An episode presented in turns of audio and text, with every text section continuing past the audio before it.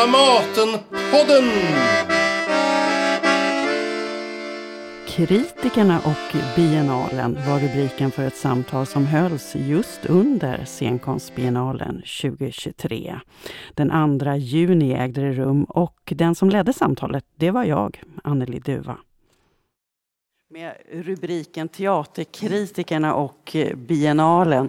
Och jag heter Anneli Duva. Jag är numera dramaturg här i huset. Men anledningen att jag har blivit inkallad är att jag har ju en bakgrund som som kritiker och även i den här föreningen. Jag, jag, gick själv in och tittade. Alla ska få berätta snabbt om detta. Och jag satt alltså i juryn. Jag blev lite chockad själv när jag insåg 97, 99, 2001, 2003, 2005, 2007, 2009. Sen var jag borta och sen kom jag tillbaka en gång tio år senare, 2019. Ja, jo, precis. och då hade jag redan börjat jobba här, men ah, juryarbetet var tidigare. Intresseklubben antecknar. Men ni förstår att det är ett stort, en stor erfarenhet här helt enkelt. Och jag tänkte ni kan väl presentera er faktiskt själva. Om vi börjar med dig Lars Ring. Mm. Eh, jag heter Lars Ring. Jag arbetar det. Nej, jag arbetar fortfarande, men jag är pensionär nu för tiden. Men jag frilansar fortfarande på Svenska Dagbladet. Sen 84 om ni kommer ihåg 80-talet. Ehm, jag satt också med, har suttit med många gånger. Jag kan inte räkna upp det så där elegant som Nej, du gör, för jag har inget papper framför mig. Men, men, men eh, särskilt i början, men även i Norrköping nu för några år sedan var jag med. Eh, och det har ju skett mycket förändringar under de här åren på alla möjliga sätt. Från teaterbiennal till scenkonstbiennal och allt. Och det är väl det vi ska diskutera, vad det har för inneburit för själva festivalen. Men vi kan ju naturligtvis också tala om vad festivalen innebär för teaterkonsten i också, Sverige. Ja, dessutom. Mm. Till exempel. Och vilka nya trender och vad vi ser och vad vi har sett, vad vi har förlorat och vad vi har vunnit. Ja, sådana mm. grejer. Margareta Sörensson. Mm. Jag var med i eh, juryn från allra första början och eh, har var, var samordnare, heter det ibland, och ibland heter ordförande i juryn i 12 år. Så det var länge. Och eh, jag är alltså kritiker, teater och danskritiker i Expressen och skriver också mycket för Danstidningen. Eh, jag tänker att jag bara säger så där kort vem jag mm. är nu. Mm. Och det är jag som har skrivit också den text om de här 30 åren som ligger på hemsidan. Ni kan läsa den på Biennalens hemsida på program. Brrr, längst ner så ligger 30 år med Biennalen. Mm. Mm. Och Liz Svenningsson? Ja, Lisa Hellström Svenningsson heter jag. Jag är också frilans och har bas i Göteborg. Skriver kritik framförallt i Göteborgs-Posten sen, lång, mång, sen decennier. Eh, jag har också varit med då i den här, det som vi kallar juryn då på, på den gamla tiden när vi bara var kritiker för, i Biennalen i Borås 09 och Gävle 11. Och eh, sen så har jag varit med då i den här, så som urvalskommittén som vi säger idag är konstruerad. Det har jag varit då för Biennalen i Norrköping 17, i eh, Sundsvall 19 och sedan har jag varit ordförande, som det heter nu, i den här kommittén för de här tre senaste biennalerna. Då har vi haft biennal vartenda år. Den var digital 21 till följd av pandemin. Eh, så var det Västerås 22 och nu i Stockholm här så. Mm. Så att jag har erfarenhet av båda de här. Och Ylva Lagerkrans Spindler. Tack, då slapp jag säga det. Det är så många namn som Pippi Lotta. Men eh, ja, jag är egentligen litteraturredaktör igen på Svenska Dagbladet. Hoppar in och ut som det. Men är också teaterkritiker där sedan 2011. Och jag tror att jag kastades in i juryn 2007, det var på 00-talet 2009, för att jag på något sätt var hipp, för att jag var chefredaktör för teatersajten Nummer, som var ett nytt sätt att bevaka scenkonst på, plötsligt digitalt och nästan 50 recensioner i månaden från hela Sverige, in till minsta lilla by som Riksteatern finansierade, men den var oberoende rent journalistiskt. Mm. Men, men, jag är i och för sig också ordförande i Svenska Teaterkritikers förening. Då, så mm. att, ja, jag har väl viss legal legalitet att sitta här. Det har vi alla varit. Vi har alla varit ordförande.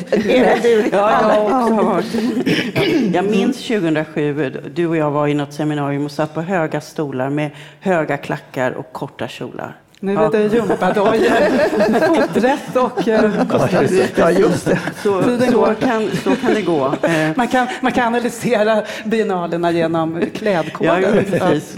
Lite så. Men, men om vi tar det här från början. Jag tänker att många av er som är här är ju såklart redan införstådda delvis och så, så vi kan ju också öppna det här samtalet, om vi hinner, hoppas jag, mot slutet här. Men att det är 30 år då som har gått och att det är ju, när det startade så var det ju väldigt så ideologiskt i någon mening att det faktiskt var väldigt, väldigt viktigt att, att skapa ett forum där man kunde visa och kunde diskutera eh, scenkonst. Ann-Marie Engel sitter här som var med också från the very beginning och sådär. Men sen så var det också så från början att man såg det som lika viktigt att det här urvalet skulle göras av en oberoende kritikerjury. Alltså att det var bara kritiker i juryn och det var en väldigt definierad och uttänkt tanke med att det var så. Så det var på något sätt en ära faktiskt att få sitta i juryn. Och sen var det ju också givetvis då som nu en väldigt stor ära att bli utvald till eh, eh, biennalen. Men eh, redan då så fanns det också en diskussion som började väl ganska tidigt om huruvida det skulle vara så att bara kritiker skulle få stå och råda över det här urvalet. Jag tänker Margareta, du ja, kan väl... Jag tror inte det diskuterades de första, Nej. de första Nej. decennierna. Då kommit till det. Ja, ja. Utan det var, det var liksom själva grundritningen och det var väl mycket Ann-Marie Engels eh, som eh, tror jag man ska credda här, som ändå är mamma till mm. själva idén. Mm. Nu är det gjort. Och inspirerat av teaterträffen, att det skulle vara just kritiker som är frikopplade från teaterlivet. Och, eh, så, det, så det var vi. Det som är slående när, den här, när det allt satte igång jag rotade fram mina kalendrar för att titta på det här. Och, eh, vi hade alltså ett möte på en restaurang här eh, i november 92. Och den första biennalen ägde rum i Stockholm mm. maj 93. Och det liksom låter, hur gick det till? Men det, det, var mycket kortare beslutsvägar och det var mycket mer informellt. Och eh, ja, kritiken har ju redan sett allting, mm. sa Ann-Marie helt realistiskt. Och det var ju sant på den tiden. Vi mm. åkte ju runt som tossingar och såg eh, Norrbottensteater och Malmö och allt om man bodde i Stockholm. Därför att ja, Expressen ansåg sig vara en, en rikstidning, vilket ju är sant. Mm. Och då har man det uppdraget. Och så här ser man ju inte längre på saken.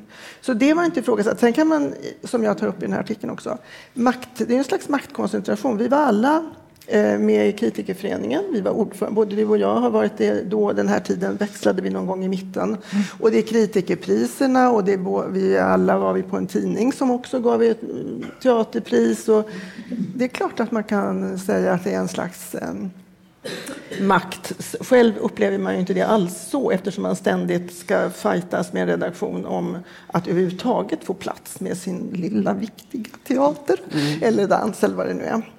Så eh, jag tror inte det var ifrågasatt alls då, men det är ju två saker som har förändrats enormt under 30 år. Så 30 år är både kort och lång tid. Och det ena är teatern. Alltså det gick inte med tiden att bara säga det här vill vi ska komma. För då var den produktionen nedlagd och eh, skådespelarna hade redan andra jobb och det var inte fasta ensembler. Det var en helt annan struktur på teatern som började utkristallisera sig under eh, runt 2010 skulle jag säga, 8, 10, 12. Och sen mediernas förändring, den är väl ännu större mm. än teaterns. Och jag tänker att båda de där sakerna tycker jag att vi ändå kan ta ett varv kring. Mm. Eh, om vi börjar med det här med, med själva förändringen av dels att man vidgar till scenkonstbegreppet och urvalsprocessen som ju har blivit i någon mening krångligare ändå, det som du säger, eller att det har blivit längre och svårare. Vill ni, vem vill ta i tråden och säga jag någonting? Jag kan börja med det. Ja. Alltså, för det var ju verkligen så i början att kritikerna, det har, vi redan konstaterat, vi reste runt mycket mer och i juryn då, nu säger jag juryn, så fanns det personer från Göteborg och Malmö och, någon gisslan från Norrland mm. som kanske inte hade sett så mycket men, men sett saker där uppe. Och, vi, och, så, och så reste vi. Och då, då hade vi ju ändå kriterier som gick ut på att, att det vi valde ut, de 10 eller 12 kanske om vi lyckades med Ann-Maries goda vilja lyckas klämma in några extra små, så skulle det representera alltså dels institutionsteatrarna, regionteatrarna och grupperna. Det var ju det, men också över olika delar av landet. Det var den representation som vi strävade efter, att det skulle vara man skulle kunna se, därför att Sverige är ju ett avlångt land och det jag menar vanliga, eller på den tiden så, så vanliga teaterarbetare reste ju inte runt och tittade på varandras produktioner. Alltså det var ganska mm. ingen kommunikation mellan teatrarna, eller inte så mycket kommunikation som man skulle vilja. För det här var ju ett försök också att, att vi skulle skapa synergieffekter, samarbeten, vi skulle kunna titta varandra i ögonen, också kritiker och, och teatermänniskor men också teatermänniskor mot teatermänniskor. Alltså att skapa den här där man diskuterar vilka är vi, vad gör vi och varför. Mm. Jag minns, för jag får bara passa in, att vi ofta ja. pratade om hellre intressant än bra. Ja. Alltså det här besvärliga, ja. vad är konstnärlig kvalitet? Ja. Mm. Vad är biennalkvalitet? Ja, det också. Ja. just det. Att, men, här, är det bra, men är det biennalbra? Ja, ja, just det. Precis. Mm. Jo, men om det, det kan vi förklara vad vi menade med det. Ja, men ska det, finns det saker att diskutera formmässigt eller innehållsmässigt som är värt att ta upp? Eller mm. kommer alla bara sitta så här, ja det var ju jättebra. Ja. Alltså det räcker inte, utan den där extra dimensionen av, ja men eh, det hade vi ju som ledmärke. Eh, ja, jag tänker jag så. Med Ylva, vill du fylla i här? Nej, jag pekar på Ylva för hon har skrivit den här över, över, översikten om ja. hur urvalet har sett ut. Det är också en artikel som ligger om man brr, åker ner där. Trender, trender, tre decennier. Ja, precis. Och då är det en ganska stor andel var teater för barn och unga och för små barn också och unga. Ja, men jag tänker vi, de två enda år, jag är ju verkligen rookie här om man jämför, så man har alltid jobbat efter teman också, så det har ju också styrt urvalet. När jag... Fast det var en gång bara. Ja. Jaha. Nej, det och, och det, det, ska vi ta upp sen, det var, okay. det var ett undantag. Då var det ett understatement, mm. för att ja. när jag 2007, det var det ju nyskrivet och det var ju också 10 av 12 mm. utvalda produktioner nyskrivet av då också verksamma författare. Mm. Eh, smalt men ändå spännande. Det var Lotta Lotas, det var eh, Jonas Hassan Khemiri som då debuterade med Invasion väl. Mm. och eh, ja, Norén som mm. vanligt etc. Och unga, vi unga.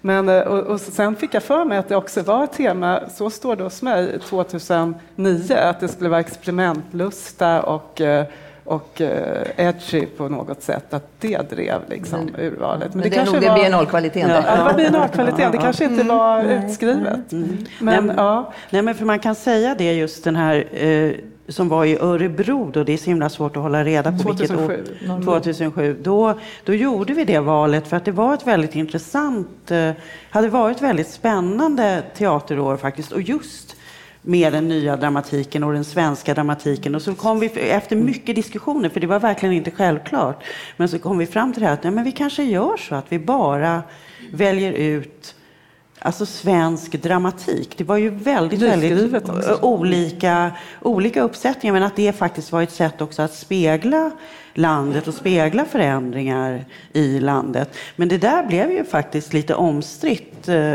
för att då, vissa kunde ju tolka det som rakt motsatt mot vad vi, vad vi hade tänkt. Alltså det här, varför bara välja svenskt? Vad är det?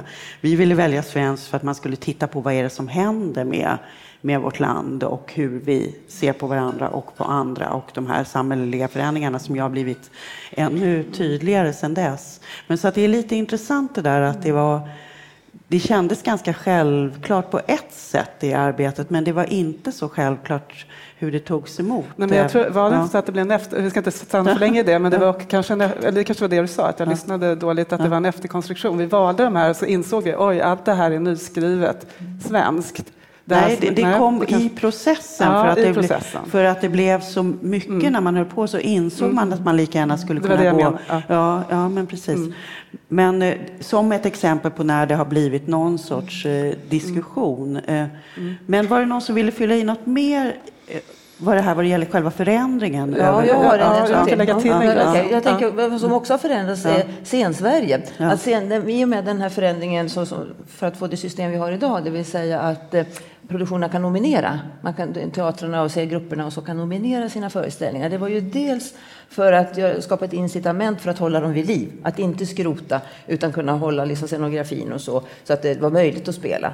Eh, sen är det också att det finns en ambition hos CEN för att förstärka organisationen som sån. Det är en medlemsorganisation det här. Det var ett sätt att aktivera medlemmarna mm. mera i det också. Va? Det är också, tror jag, man får räkna med i processen. Det gör ju att, och det har det jobbats mycket med nu. Som ser, de nomineringar vi får in är ju så enormt mycket. Och hela teater, eller hela scenkonstfältet. Jag vill gärna prata scenkonst eftersom jag precis som Margareta skriver om både dans och teater och performance och ibland händer det om opera också. Och så. Men att det är ju så otroligt mycket, det är så stort mm. och så brett. Mm. Och även då allt från Dramaten till en liten nystartad grupp någonstans ute i Vitlycke eller så.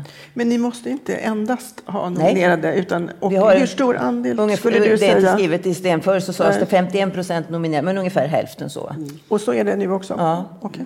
Det finns både också. Mm. Nej, men för jag tänkte om vi stannar lite i själva biennalen så kan vi återkomma till det här med den mediala förändringen mm. och så mm. sen. För jag bad er ju också alla att tänka inför det här seminariet på två intressanta exempel på någonting. Någonting liksom bra och någonting kanske svårt. Och då hade jag själv, mitt, mitt exempel var det där när vi valde den svenska dramatiken. Så jag har redan, eh, nej, men det, nej men det var ju bara, men, men jag tycker att det är roligt att ta eh, den vändan. Liz, vad har du, börja, ska vi börja med det, vi börjar med det som var svårt kanske, så kommer vi till det som är bra. Är okay. det bättre mm. dramaturgiskt? Det där som är, är svårt, det är ju, det är ju lut. Jag menar, vi har ju valt föreställningar då för att vi tycker att de är intressanta på något mm. sätt och så, men det, vad som kan gå galet ändå ibland det är ju då eh, att eh, det ska falla väl ut på biennalen också. Och biennalen är en väldigt speciell situation och en speciell publik ofta också. Så.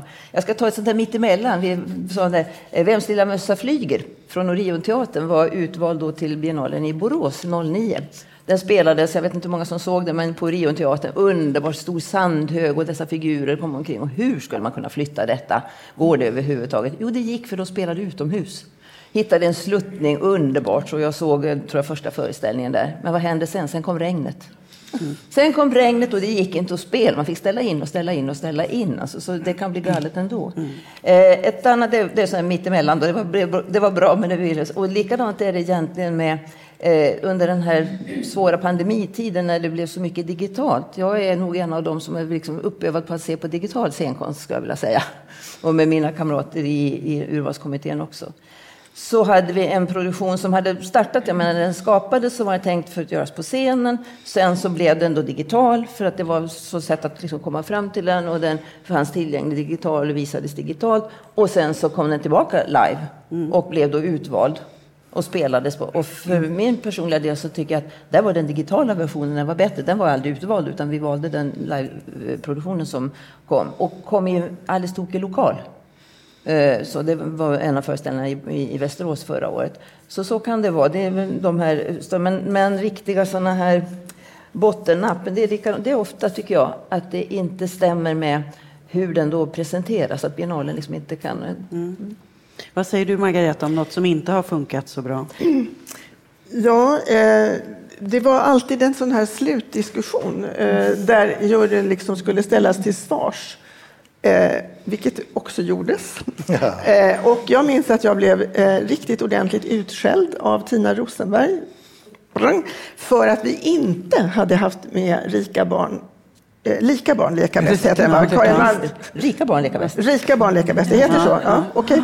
Karin Mannheimers ja. pjäs som ju blev enormt eh, populär och hade en väldigt stor publik. Och det här är en skillnad då på kritikerns val och att, hänsyn till publiken och sådär. Och eh, jag minns att hon stod och skrek kvinnor tycker det är roligt med sex. Och det var, ja, men det var inte det, utan vi eh, resonerade och jag, alltså jag, och jag, jag kanske drev på väldigt mycket. Jag det kom som en chock för oss.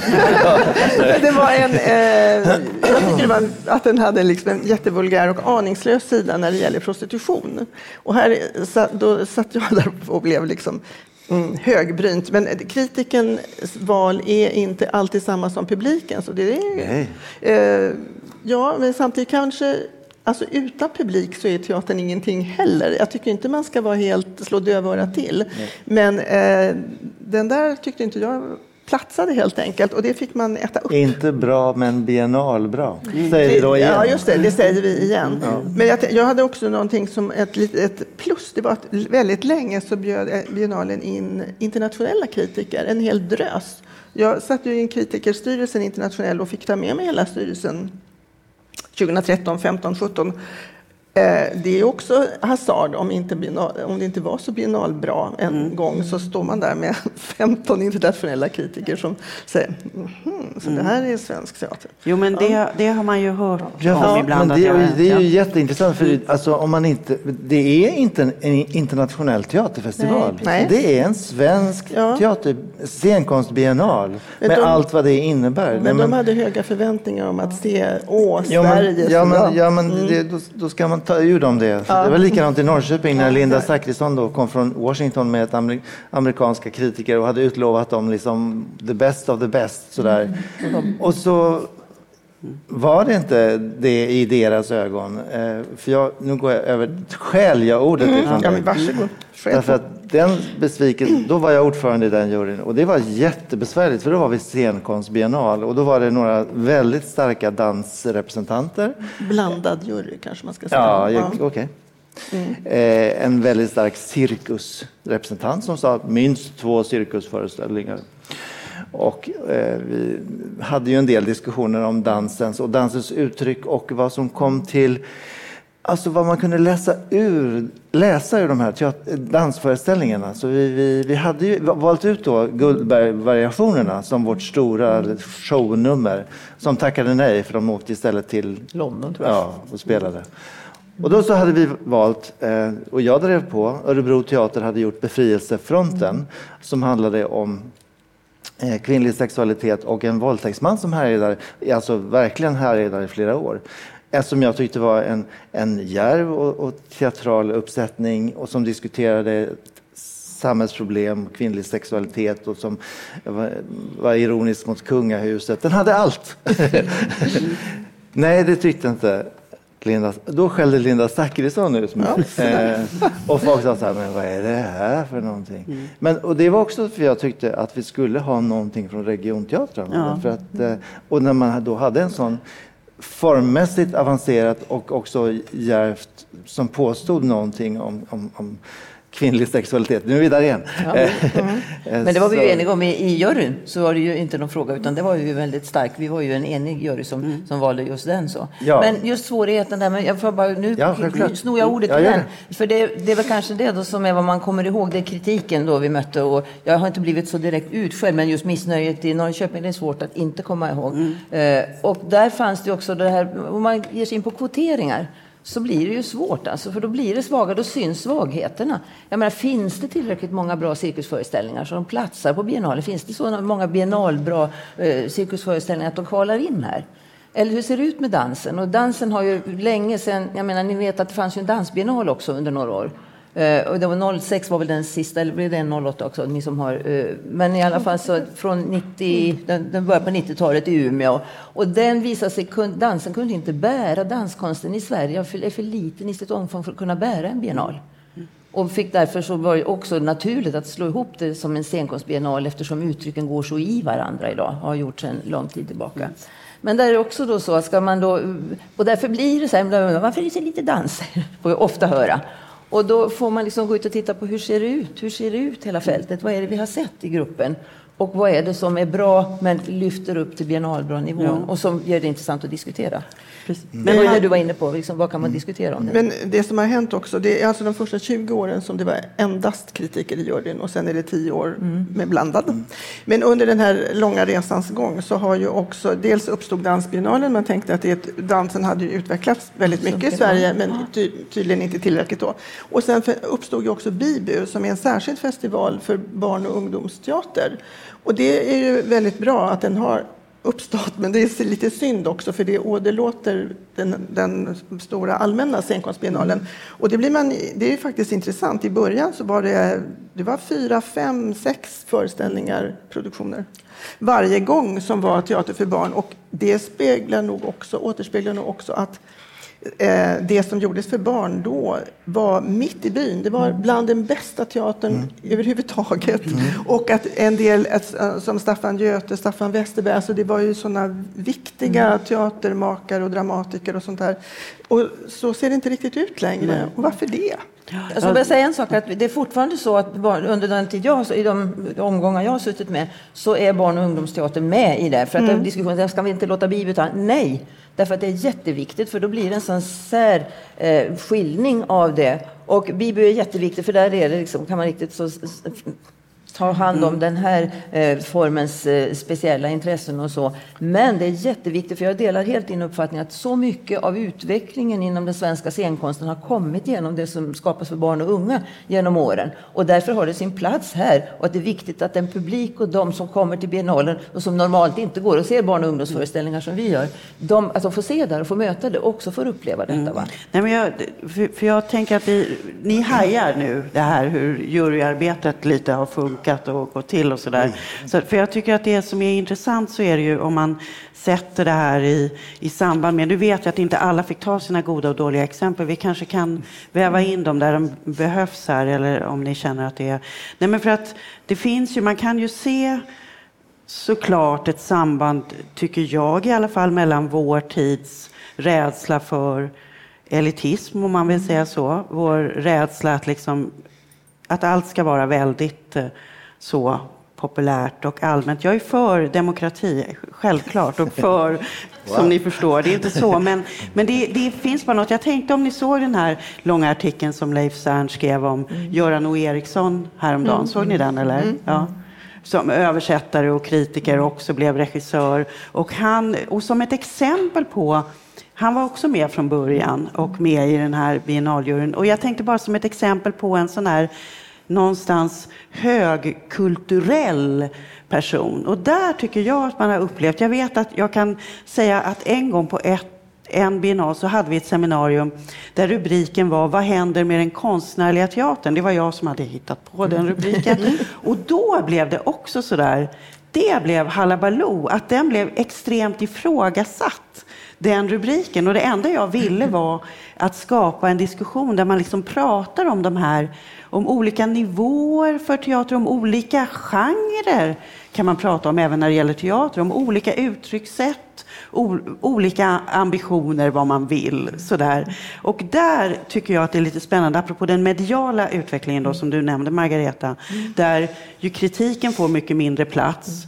och därmed, delvis därmed också mindre betydelse? Frågetecken. Och sambandet mellan detta och eh, biennalen. Ylva, har du som ändå... Ja. Jag, jag, jag hade mycket att säga om ja. barn och unga innan, men ja. nu ska jag tänka något annat. Nej, men, alltså, om man ska generalisera, så det, de sista åren har det varit en misstro mot proffstyckare eller vetenskap och allting över, överlag. Inga paralleller i övrigt. Men, men Eh, nu har vi en kritikerkår som är väldigt dränerad. Det spelar ingen roll om redaktörerna slåss på sina respektive eh, kulturredaktioner för platsen med, med stor ära, utan sen handlar det om större ekonomiska eh, kriterier och styrelser. Och, vi har ju till exempel en, en massa lokala tidningar som uppgått i stora mediekoncerner de sista åren, Stampen och Östgötakåren är en del av eh, samma som publiceras i, eller det, vad ska jag stå, Norrbottenskuriren och, och UNT har samma kritik. Eh, man köper upp varandras litteraturrecensioner. Det finns inte längre eh, lokala recensenter. Vad skulle jag säga med allt det här? Jo, men jo, någonting, kopplingen till eventuellt ja, till... Ja. Att, att, att, som ett exempel... Det var bättre förr. Det var det du skulle säga. Nej, det behöver inte vara. Jag, jag bara pekar på en utveckling. Allt måste utvecklas, men jag tänker det finns många andra kanaler att, att att skriva om kritik på än bara traditionella medier och det måste du göra. Det är också viktigt. Eh, man kan inte stoppa en utveckling. Det är jätteintressant att många tycker men då kanske det blir en annan slags kritik än de traditionella medierna som blir fördjupad och inte så mycket att man ska såga och vara liksom ytterlig utan kanske mera diskutera och, och, och gå i samspråk med verket på ett annat sätt. Men jag tänkte på som ett exempel också 2009 när jag satt i juryn, bara kort så valde då redan då märkte man ju att allt färre kunde se eh, allting. Eh, och därför började vi introducera, jag tror att det var då vi introducerade, eh, det var fortfarande VHS, mm, mm, att vi liksom bad teatrarna uppe i norr och söder om VHS för att vi skulle se något skakigt svartvitt som skulle föreställa en föreställning för att ändå få en känsla. Det är ganska Vilket så alla vet hur svårt det är. Ja, precis. Teater. Hur, hur det plötsligt var Alltså jag, efter mina 10-11 år på nummer så har jag aldrig sett eh, jag har, jag har ingen rikstäckande blick längre. Det är om jag åker ideellt eller får uppdrag för senhöst och senvård och åker runt, men det finns ingen budget för det. Mm. Nej, men finns det, det som egentligen var min fråga var det ja, allmänna samtalet mm. då kring kring teaterkonsten mm. och då menar jag teaterkonsten som någonting stort som är också en, någonting samhälleligt förstås. Mm. Men var Känner man att den finns här på biennalen kan jag kasta ut i rummet. Och vad säger ni? Hur, var mm, var vårdar vi den, Margareta? Ja, jag hade tänkt att jag, man skulle vilja ha en rubrik liksom som är att kritikerna är biennalens köl. Ja. Alltså det är någonting med kvalitetstänket och eh, möjligheterna att eh, diskutera bedömningar och sånt där som är stadga. Men om man ser till mediafältet så är den här, eh, det finns inte någon en köl någonstans. Säga. Vad som finns, jag har, jag har jobbat nu så mycket internationellt också så jag ser att det här precis ser ut som i hela den del av världen som har en fri press i alla fall. Att det är en flykt in i akademin för kritikerna. Alltså en ung kritiker, hur ska den överleva? Utan då börjar man eh, doktorera eller man gör någonting annat, sånt eller hamnar på utbildningar och så. Och så finns då olika eh, sociala medier. Mm. Mm. Så vi, man kan säga att det pågår en, eh, ett sökande efter en plattform mm. som ännu inte riktigt har utkristalliserat sig. Nu har vi varit duktiga kritikerföreningen och sökt pengar eh, hos Kulturrådet och fått det för de här poddarna, en lång serie poddar som mm. vi har gjort. Kan man, eh, kan man tänka sig att det skulle kunna bli någonting permanent? Ska, hur ska mm. man... Eh, Benny Fredriksson salig i åminnelse brukade säga till mig någon gång ibland att det vore, skulle vi inte kunna lägga alla recensioner här och att Stockholms stadsteater skulle ha liksom en, en eh, samlingsplattform. Och det funkar ju inte heller. Men var skulle den där kunna vara ja. någonstans? Lars, du ville fylla i? Ja. Nej, men om... ska bara säga en annan sak som, som vi har alltid haft ett problem i. Juryerna är ju, är ju det här med konsensus. Så att säga. Mm. Att ju fler vi är i de här juryerna, ju fler man, olika saker man företräder, ju svårare är det att komma fram till vad som är kvalitet. Mm. Alltså, bara, det var bara det inpasset som jag ville säga. Det, alltså, det, det finns en konsensusvarning i, i, att sitta i en sån här eh, jury. Mm. Eh, ja, jag slänger ut det. Men det jag ville säga var att eh, klickkulturen har ju förstört väldigt mycket av eh, förutsättningarna för recensioner överhuvudtaget. Eh, därför att allting mäts nu för tiden. Eh, och jag är ju lycklig att arbeta fortfarande som frilansare på en tidning där vi har en stark teaterredaktör, nämligen Anna här, som verkligen slåss varje dag för att vi ska få in recensioner och där vi har lyckats få med oss en kulturchef som ändå inser att, att recensioner är en slags backbone i verksamheten. Man kan alltid falla tillbaka på den och säga titta här är analys, här är kvalitet, här är kunskap.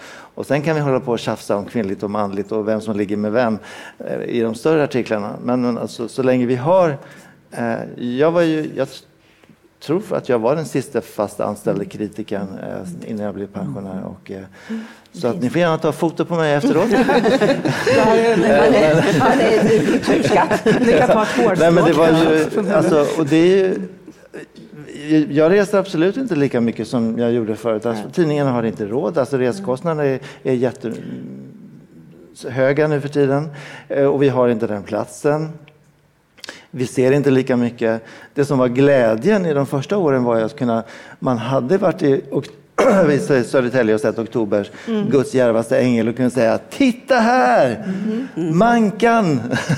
Edith Södergran! Mm. Helmer Diktonius. Och alla var så här Wow! Mm.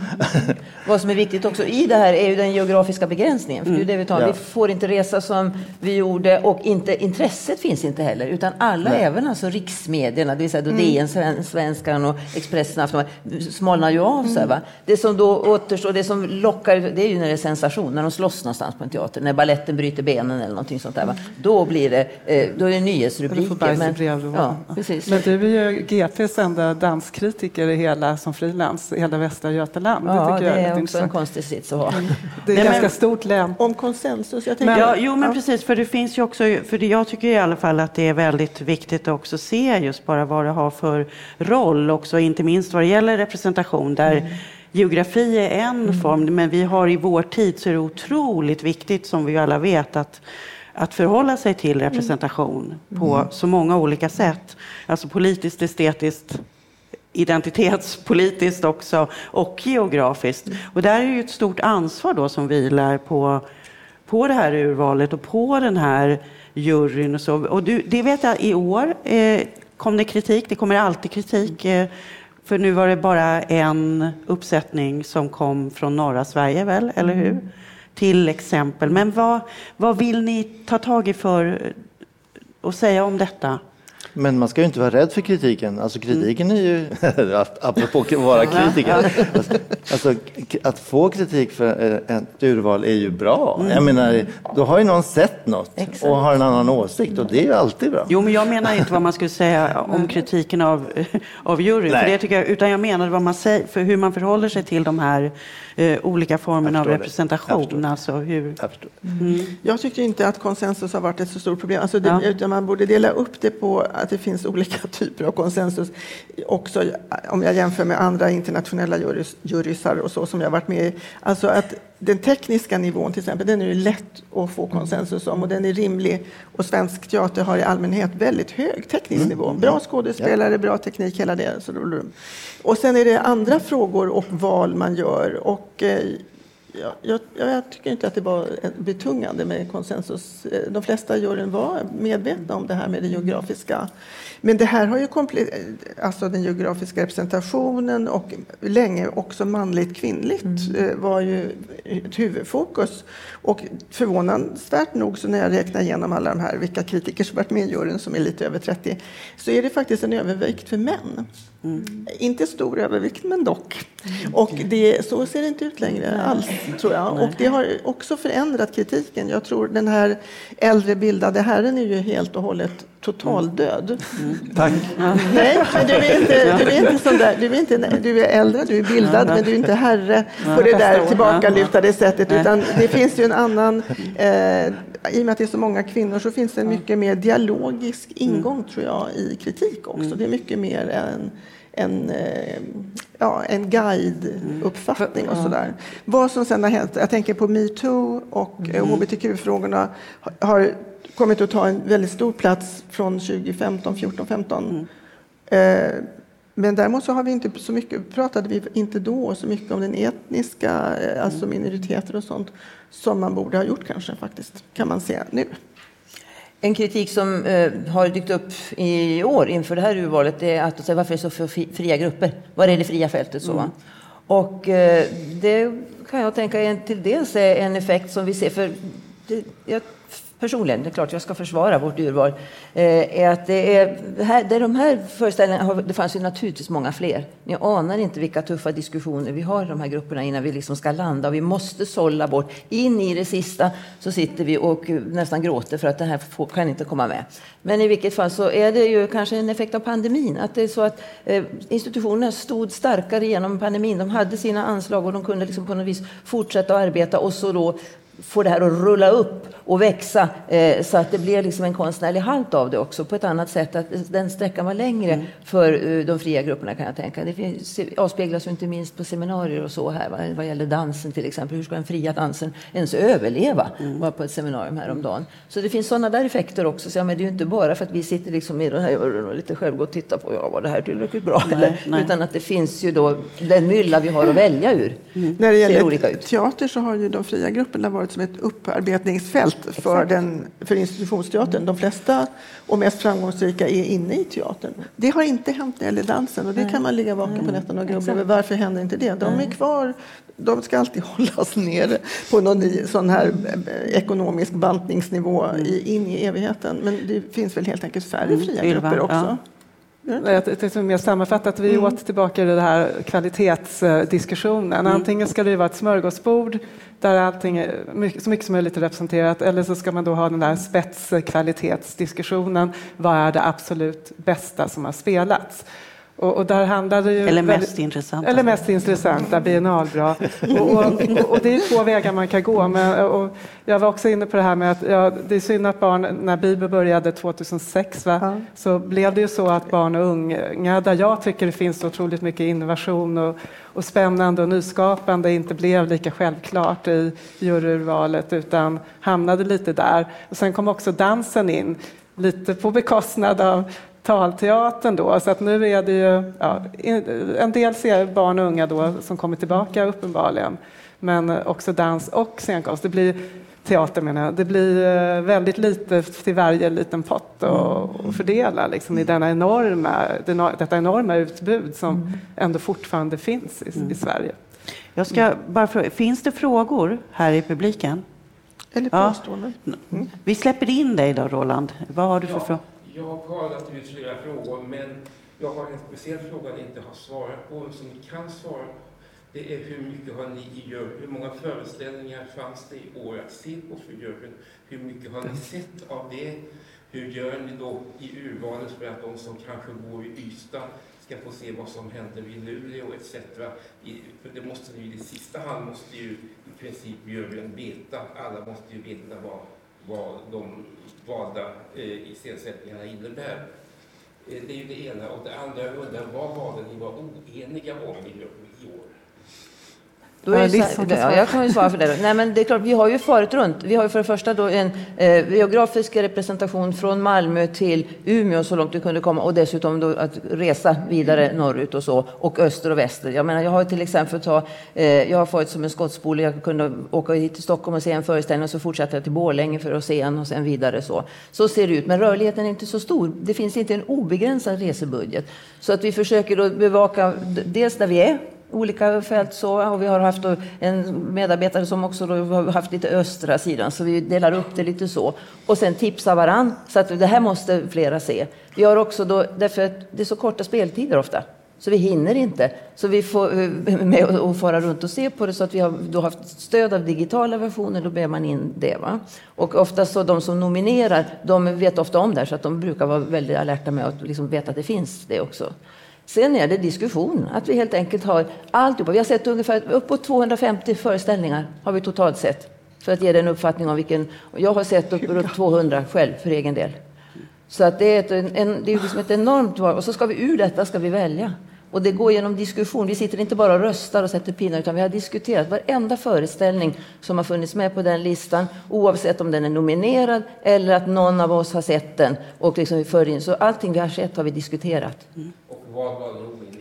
Ja, det är olika saker. Det beror ju på att det står ju, det, det mesta. Att det här tycker jag menar, det är tycke och smak naturligtvis. Eller man, får, man alla fått argumentera. Och sen i slutändan så är det att det kommer att ställas eh, föreställningar mot varann. Och då handlar det också om att skapa en biennal.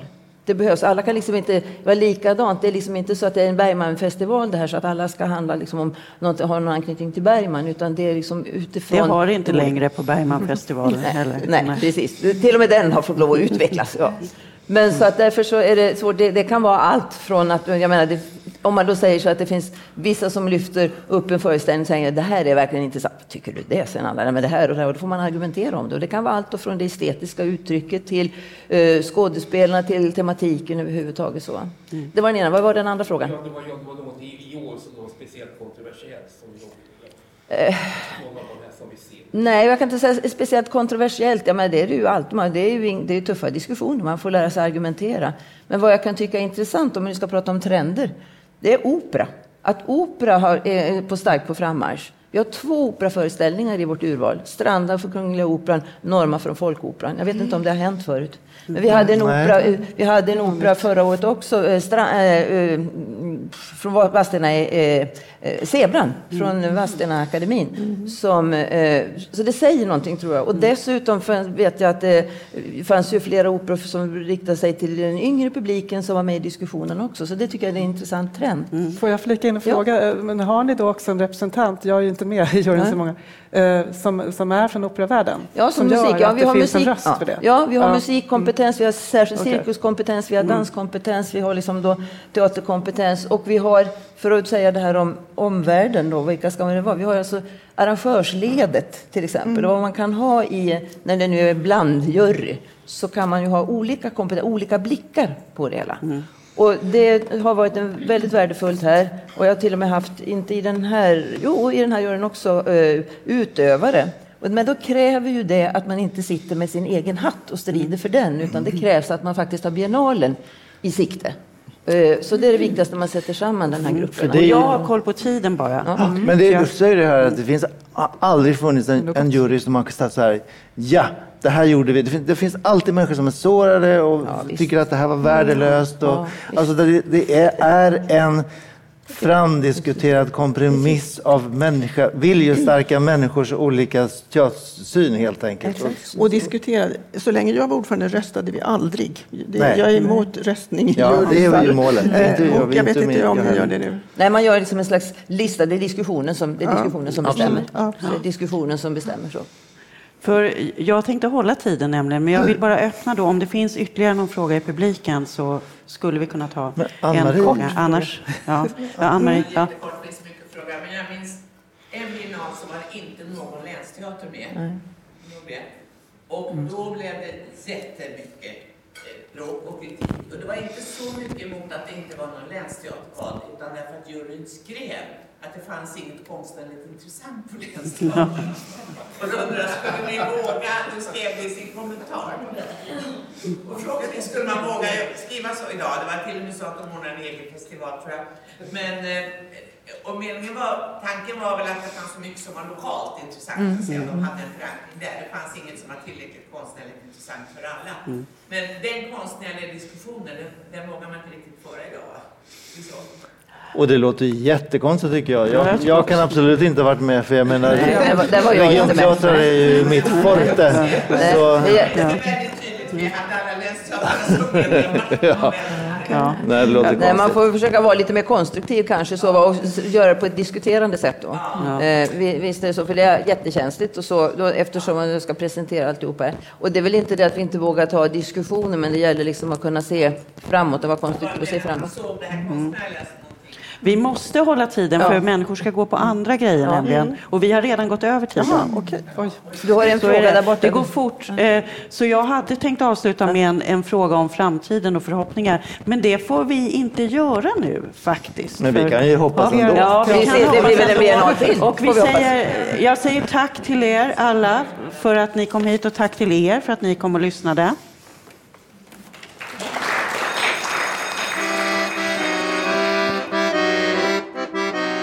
Dramatenpodden!